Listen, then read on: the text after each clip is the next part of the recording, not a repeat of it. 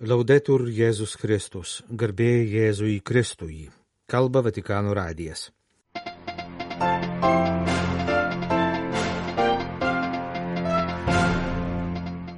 Popiežius serga gripu ir pirmadienį buvo atšauktos jo audiencijos. Burkina fazė teroristai nužudė 15 besimeldžiančių krikščionių. Paskirtas krikščionių vienybės dikasterijos sekretorius. Prasidėjo Šventojo Petro bazilikos baldakimo restauravimo darbai. Vokietijoje kunigas išbrauktas iš tikėjimo liudytojų sąrašo, paaiškėjus, kad jis buvo teistas už lytinį išnaudojimą.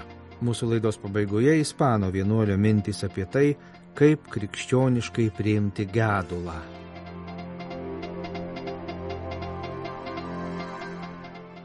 Panašiai kaip šeštadienį buvo atšauktos ir pirmadienio rytą turėjusios įvykti popiežiaus audiencijos.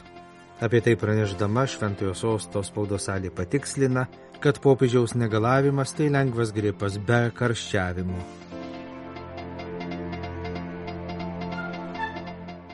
Burkina Faze per bažnyčios užpolimą nužudyta 15 žmonių.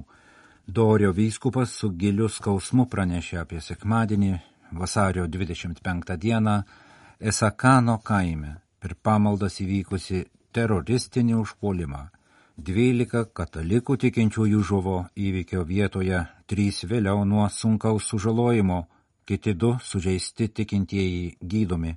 Bažnyčios Burkina Fase atstovai informuoja, kad į bažnyčią įsiveržė ginkluotų džihadistų teroristų būrys, kai tikintieji joje meldėsi. Esakane sekmadieniais jau daugiau kaip penkerius metus nebūna mišių, o vyksta pamaldos, kurioms vadovauja vietos katechetas. Džihadistai šaudė tik į vyrus, moterų nekliudė. Esekano kaimas Burkina Faso šiaurės rytuose yra už maždaug 300 km nuo vakarų Afrikos šalies sostinės Uagadūgų. Vietovė, žinoma dėl tarptautinės bendrovės eksploatuojamos Esekano atviros aukso kasyklos ir kaip džihadistų trikampis, yra prie pat Malio ir Nigerio sienų Udalano provincijoje Sahelio regione. Sahelio regiono sostinė Doris – taip pat yra Dorio viskupijos sostinė. Viskupas Laurent Dabir komunikate paprašė visų šiomis skausmingomis aplinkybėmis melstis už tikėjime mirusiųjų amžinai atilsi, už sužeistųjų pagyjimą ir paguodą visiems gedintiems. Ganytojas taip pat paprašė melstis už teroristų, sėjančių Burkina fase mirti atsivertimą Atgaila ir malda gavėnios laikotarpiu te atneša taiką ir saugumą į Burkina Fasą. Meldė Dorio vyskupas, Burkina Faso ir Nigerio vyskupų konferencijos pirmininkas.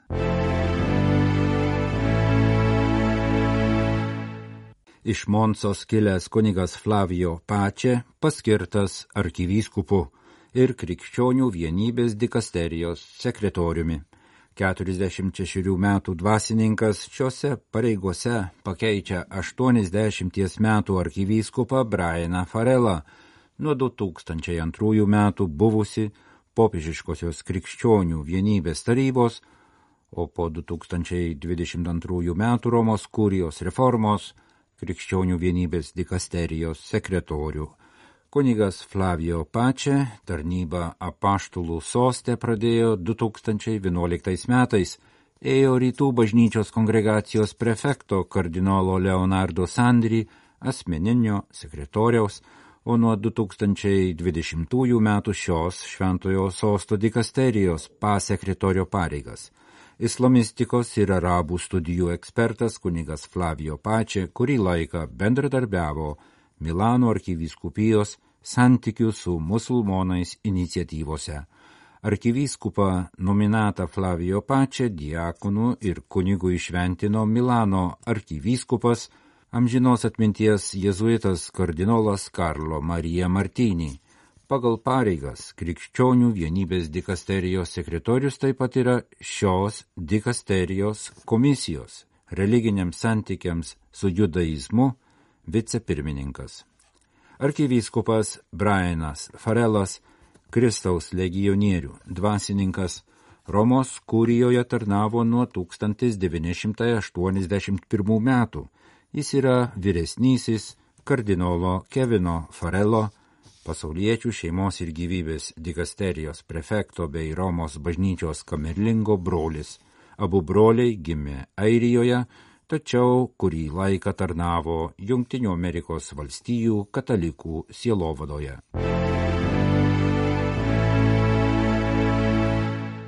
Šiomis dienomis Šventojo Petro bazilikos lankytojai gali pamatyti aplink centrinį bazilikos konfesijos altorių kylančius pastolius. Prasidėjo, kai buvo anonsuota sausio mėnesį, didingojo baldakimo, kurį pastatė garsusis skulptorius ir architektas Gian Lorenzo Bernini restauravimo darbai. Beveik 29 metrų aukščio, o tai prilyksta 9 aukštų namui, iš auksuotos bronzos, marmuro ir medžio sukonstruotas baldakimas sveriantis apie 63 tonas buvo inauguruotas 1633 metais, nors baigiamieji darbai tęsiasi dar dviejus metus. Popiežius Urbonas VIII iš barberinių giminės Berniniui projektą patikėjo 1624 metais. Pastarasis tuo metu buvo dar visai jaunas, vos 26 metų amžiaus menininkas. Baldakimas buvo vienas iš pirmųjų didelių jo darbų, kurie jį ir išgarsino. Žinoma, kartu su juo dirbo dešimtis kitų žymių meistrų bei amatininkų. Jo sumanytojai norėjo tarsi apgaupti konfesijos altorių, žyminti apaštalo Petro palaidojimą vietą vertingosiomis drobėmis, kurios atkeliaudavo iš Baldako, kaip tuo metu buvo vadinamas Bagdado miestas. Paskutinį kartą didesni restauravimo darbai vykdyti 1758 metais.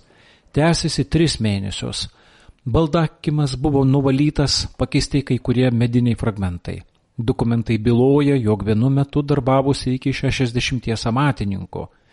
Šiandien kai kuriuos dalykus galima padaryti lengviau. Antai, rengintis Berninio baldakimo restauravimo darbams, jis visų pirma buvo atidžiai apžiūrėtas ir nufotografuotas su dronų pagalba – Bronzinių dalių būklė nebloga, tačiau beveik visur susikaupė apnašų, kurias reikia nuvalyti. Nemažai metalinių detalių pajudavo ir todėl, kad praeitįje, siekiant jas apsaugoti nuo korozijos, buvo naudojamos riebalinės medžiagos. Šiandien yra jau kitokių priemonių jų apsaugai nuo išorinių veiksnių ir mikroklimato pokyčių, kurios bus panaudotos. Kai kurios medinės baldakimo dalis, iš jų pagamintas jo stogas, yra labiau paveiktos laiko ir irimo proceso, tad prireiks didesnių intervencijų. Baldakimo restauravimo darbus finansuoja Kolumbo riteriai. Juos numatyta užbaigti iki 2025 metų jubilėjaus. Kaip pranešama Šventojo Petro bazilikos interneto svetainėje, Jubiliejų, kuris pagal biblinę tradiciją yra išlaisvinimo ir atleidimo nuo skolų metas, ji pasitinka ir kitais būdais. Vienas iš tokių - bendradarbiavimas su Romos kalėjimais. Vienas nuteistasis jau reguliariai atlieka elektros instaliacijų bazilikoje priežiūros darbus, ateityje bus įdarbinti keli kiti kaliniai. Taip pat susitarta dėl rožinių gamybos – Nuteistųjų pagaminti rožiniai bus tarptų, kuriuos galės įsigyti per 2025 metų jubiliejų Romą ir Šventojo Petro baziliką aplankysiantis piligrimai.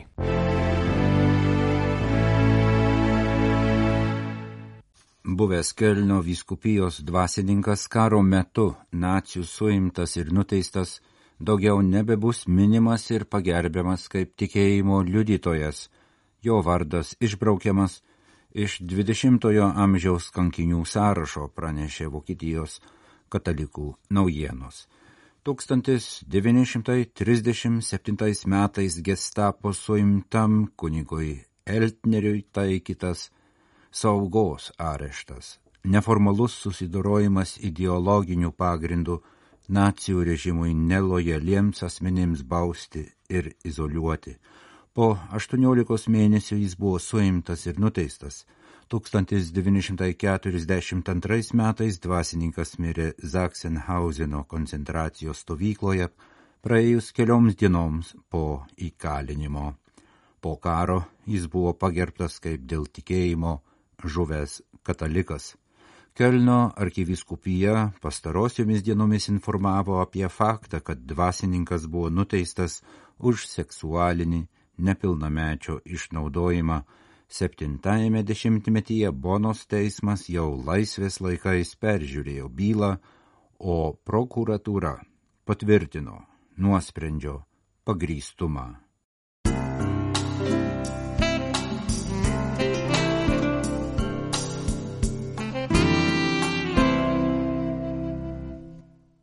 Mylimų ir artimų žmonių mirtis, jų išėjimas iš šio gyvenimo yra tai, ko negalime kontroliuoti, kaip ir savo skausmo dėl jų netikties. Kita vertus yra krikščioniškos ir žmogiškos išminties, kuri gali mums padėti šioje egzistencinėje krizėje. Apie tai svarsto Jėzaus ir Marijos, eudistų, kongregacijos kunigas Vilsonas Sosa. Katalikiškoje interneto svetainėje ispanų kalba Bidanueva paskelbtame straipsnėje apie sielvarto prieimimo aspektus tėvas Osa išryškina keturis elementus, kuriems užduoda toną Šventojo Jono Pauliaus antrojo žodžiai, jog Kristus atpirkėjas, tobulai apreiškia žmogų pačiam žmogui. Žinoma, aptariami aspektai nėra griežta struktūra, o gairės sielvarto supratimui ir įveikimui. Žmogui būtina priimti savo gedulą, jautimasi parblokštų, silpnu ir bejėgiu, nes būtent tai leis suprasti egzistencinę krizę ir iš jos išeiti. Neviltis yra svarbi gyvenimo dalis ir esminis veiksnys mūsų augime. Mūsų gyvenimas iš to susideda - iš džiaugsmo, kuris rodo sprogdina širdį, ir iš skausmo, kuris ją daužo į gabalėlius. Pirmasis aspektas, kurį aptarė kunigas, yra sielvarto neigimas. Dėl netekties skauda taip, kad to net nenorima pripažinti. Evangelijoje pagal Luką minimame epizode apie Emausų mokinius galima nutuokti, jog jie bėga, nes negali priimti, negali ištverti Jėzaus mirties. Jie negali su ją susitaikyti. Susidūrus su skaudžia kino nors netektimi, mums skauda iki širdies gelmių. Todėl tai neigiame. Daug kas sako, taip negali būti tai tik sapnas. Nesusitaikymo ir slopinimo būdai gali būti įvairūs, kartais pasyvus, o kartais sielvartas tengiamasi užgošti dideliu aktyvumu. Bet anksčiau ir vėliau skausmas išnyra, dar stipresnis ir kelintis tokią kančią, jo galiausiai rizikuojame susirgti patys. Tai, ko reikia, yra tikras susitaikymo su skausmu ir gedulu procesas. Rakta šiame neigimo klausimu Abejonių ir tvirtinimo procese, kaip liūdėja jo paties silobodinė patirtis ir pokalbiai su artimųjų netekusiai žmonėmis, yra netekto asmens paleidimas, įskaitant pripažinimą, kad jis jau su Dievu. Vašaros ir verksmas yra sielos vaistas, pažymė tėvas Osa. Taip pat, kaip perspėjo šventasis Pijus iš Petrelčinos, nereikia pasiduoti apgauliai, jog dėl mūsų kančios. Mūsų meilė Dievui yra nenuširdi ir netobula Juk ir viešpats meldė, kad skausmo taurė būtų nuo jo atitolinta, nors tuo pat metu ją visiškai priėmė. Antrasis aspektas - pripažinti savo jausmus ir juos išreikšti. Skaitome, kaip Jėzus raudojo, sužinojęs apie Lozoriaus mirtį, kaip prie paties Jėzaus kapo raudojo Marija Magdalietė, nes neteko tokio svarbaus ryšio, nes net negali būti prie kažkur dingusio Jėzaus kūno. Marija Magdalietė išgyveno kalną prieštaringų jausmų, praradimo skausmą, sumišusi su dėkingumu, kad galėjo būti šalia to, kurį mylėjo. Taip pat baugų suvokimą, kad nuo šios akimirkos teks gyventi be jo. Tokie ir mūsų jausmai, kai ko nors netenkame. Marijos Magdalietės ašurų tiek daug, kad ji net net pažino Jėzaus, kai jis jai pasirodė. Ir galiausiai pašaukė ją vardu. Dėl tokios jaudinančios ir asmeniškos paguodos primena kunigas popiežius Pranciškus Marija Magdalietė yra pavadinęs vilties apaštalė tiems, kurie kenčia kaip ji kentėjo, nes susitikimas su viešpačiu ir jo meile yra stipresni už mirtį. Kartais priduria vienuolis, išėjus asmens paleidimas siejasi su atleidimu jam ar savo patiems, ypač kai mirtis ištinka netikėtai, avarijoje, pakėlus ranką prieš save, dėl staigios lygos, po kivirčių ar blogos tarp asmeninių santykių istorijos. Tada skausmas nevirsta kalties jausmu, o randa savo vieto širdies tyloje ir ramybėje. Trečiasis aspektas yra paaiškos. Kai artimo ir mylimo asmens nebėra, turime iš naujo suvokti pasaulį ir save. Nebegalime remtis visu tuo, kuo rėmėmės anksčiau. Tai taip pat nėra pamiršimas to, kuris išėjo, greičiau jo paliktos žinios ir jo ištartų žodžių supratimas. Nelaikyk manęs, sako Marijai Magdalietei prisikėlęs viešpats, paaiškinęs, jog turi žengti pas tėvą. Ta akimirka Marija Magdalietė norėjo jį sulaikyti, turėti šalia, bet Jėzus primena savo žinią ir prašo perduoti ją kitiems mokiniams. Ir iš tiesų, Meilės išėjusiam asmeniui tesinys yra jo žinios išsaugojimas, o dalinimasis ta žinia, jo žodžių ir darbų atsiminimas gydo mūsų emocinę atmintį, patirtą skausmą paverčia nauja trama mūsų pačių gyvenimai. Taip atsidūrėme prie ketvirtojo aspekto - naujo santykio su išėjusiu. Marija Magdalietė pagaliau atpažinusi Jėzus sušunka mokytojau. Ji pradėjo suprasti, kad jų draugystė nemirė su mirtimi, bet patyrė virsmą ir buvo nušvesta naujos prasmės. Jos skaudanti atmintis pradėjo gyti, jos draugo nebėra, bet jis vis tiek liko su ją. Jai neberūpi kaip anksčiau mirusio viešpaties kūno paieškos. Ir mūsų sielvartas bei gedulas laikui bėgant, raudant, turi virsti naujų suvokimu ir naujų santykių su savimi pačiais realybės jausmo ir savęs atgavimu. Tam gali prireikti laiko, nes nieko nėra sudėtingesnio už mūsų širdį. Kai ji sužeidžiama, reikia daug laiko, reikia atsakyti į klausimus, kodėl gyvenu, ar galiu gyventi be to, kurį mylėjau. Bet tikras pagyjimas patvirtina, jog meilė stipresnė už mirtį. Išėjęs artimasis neišnyksta, bet lieka su mumis kitaip Mylėti kitą reiškia pasakyti, tu nemirsi. Citavo filosofo Gabrielio Marcelio žodžius kunigas Vilsonas Sosa.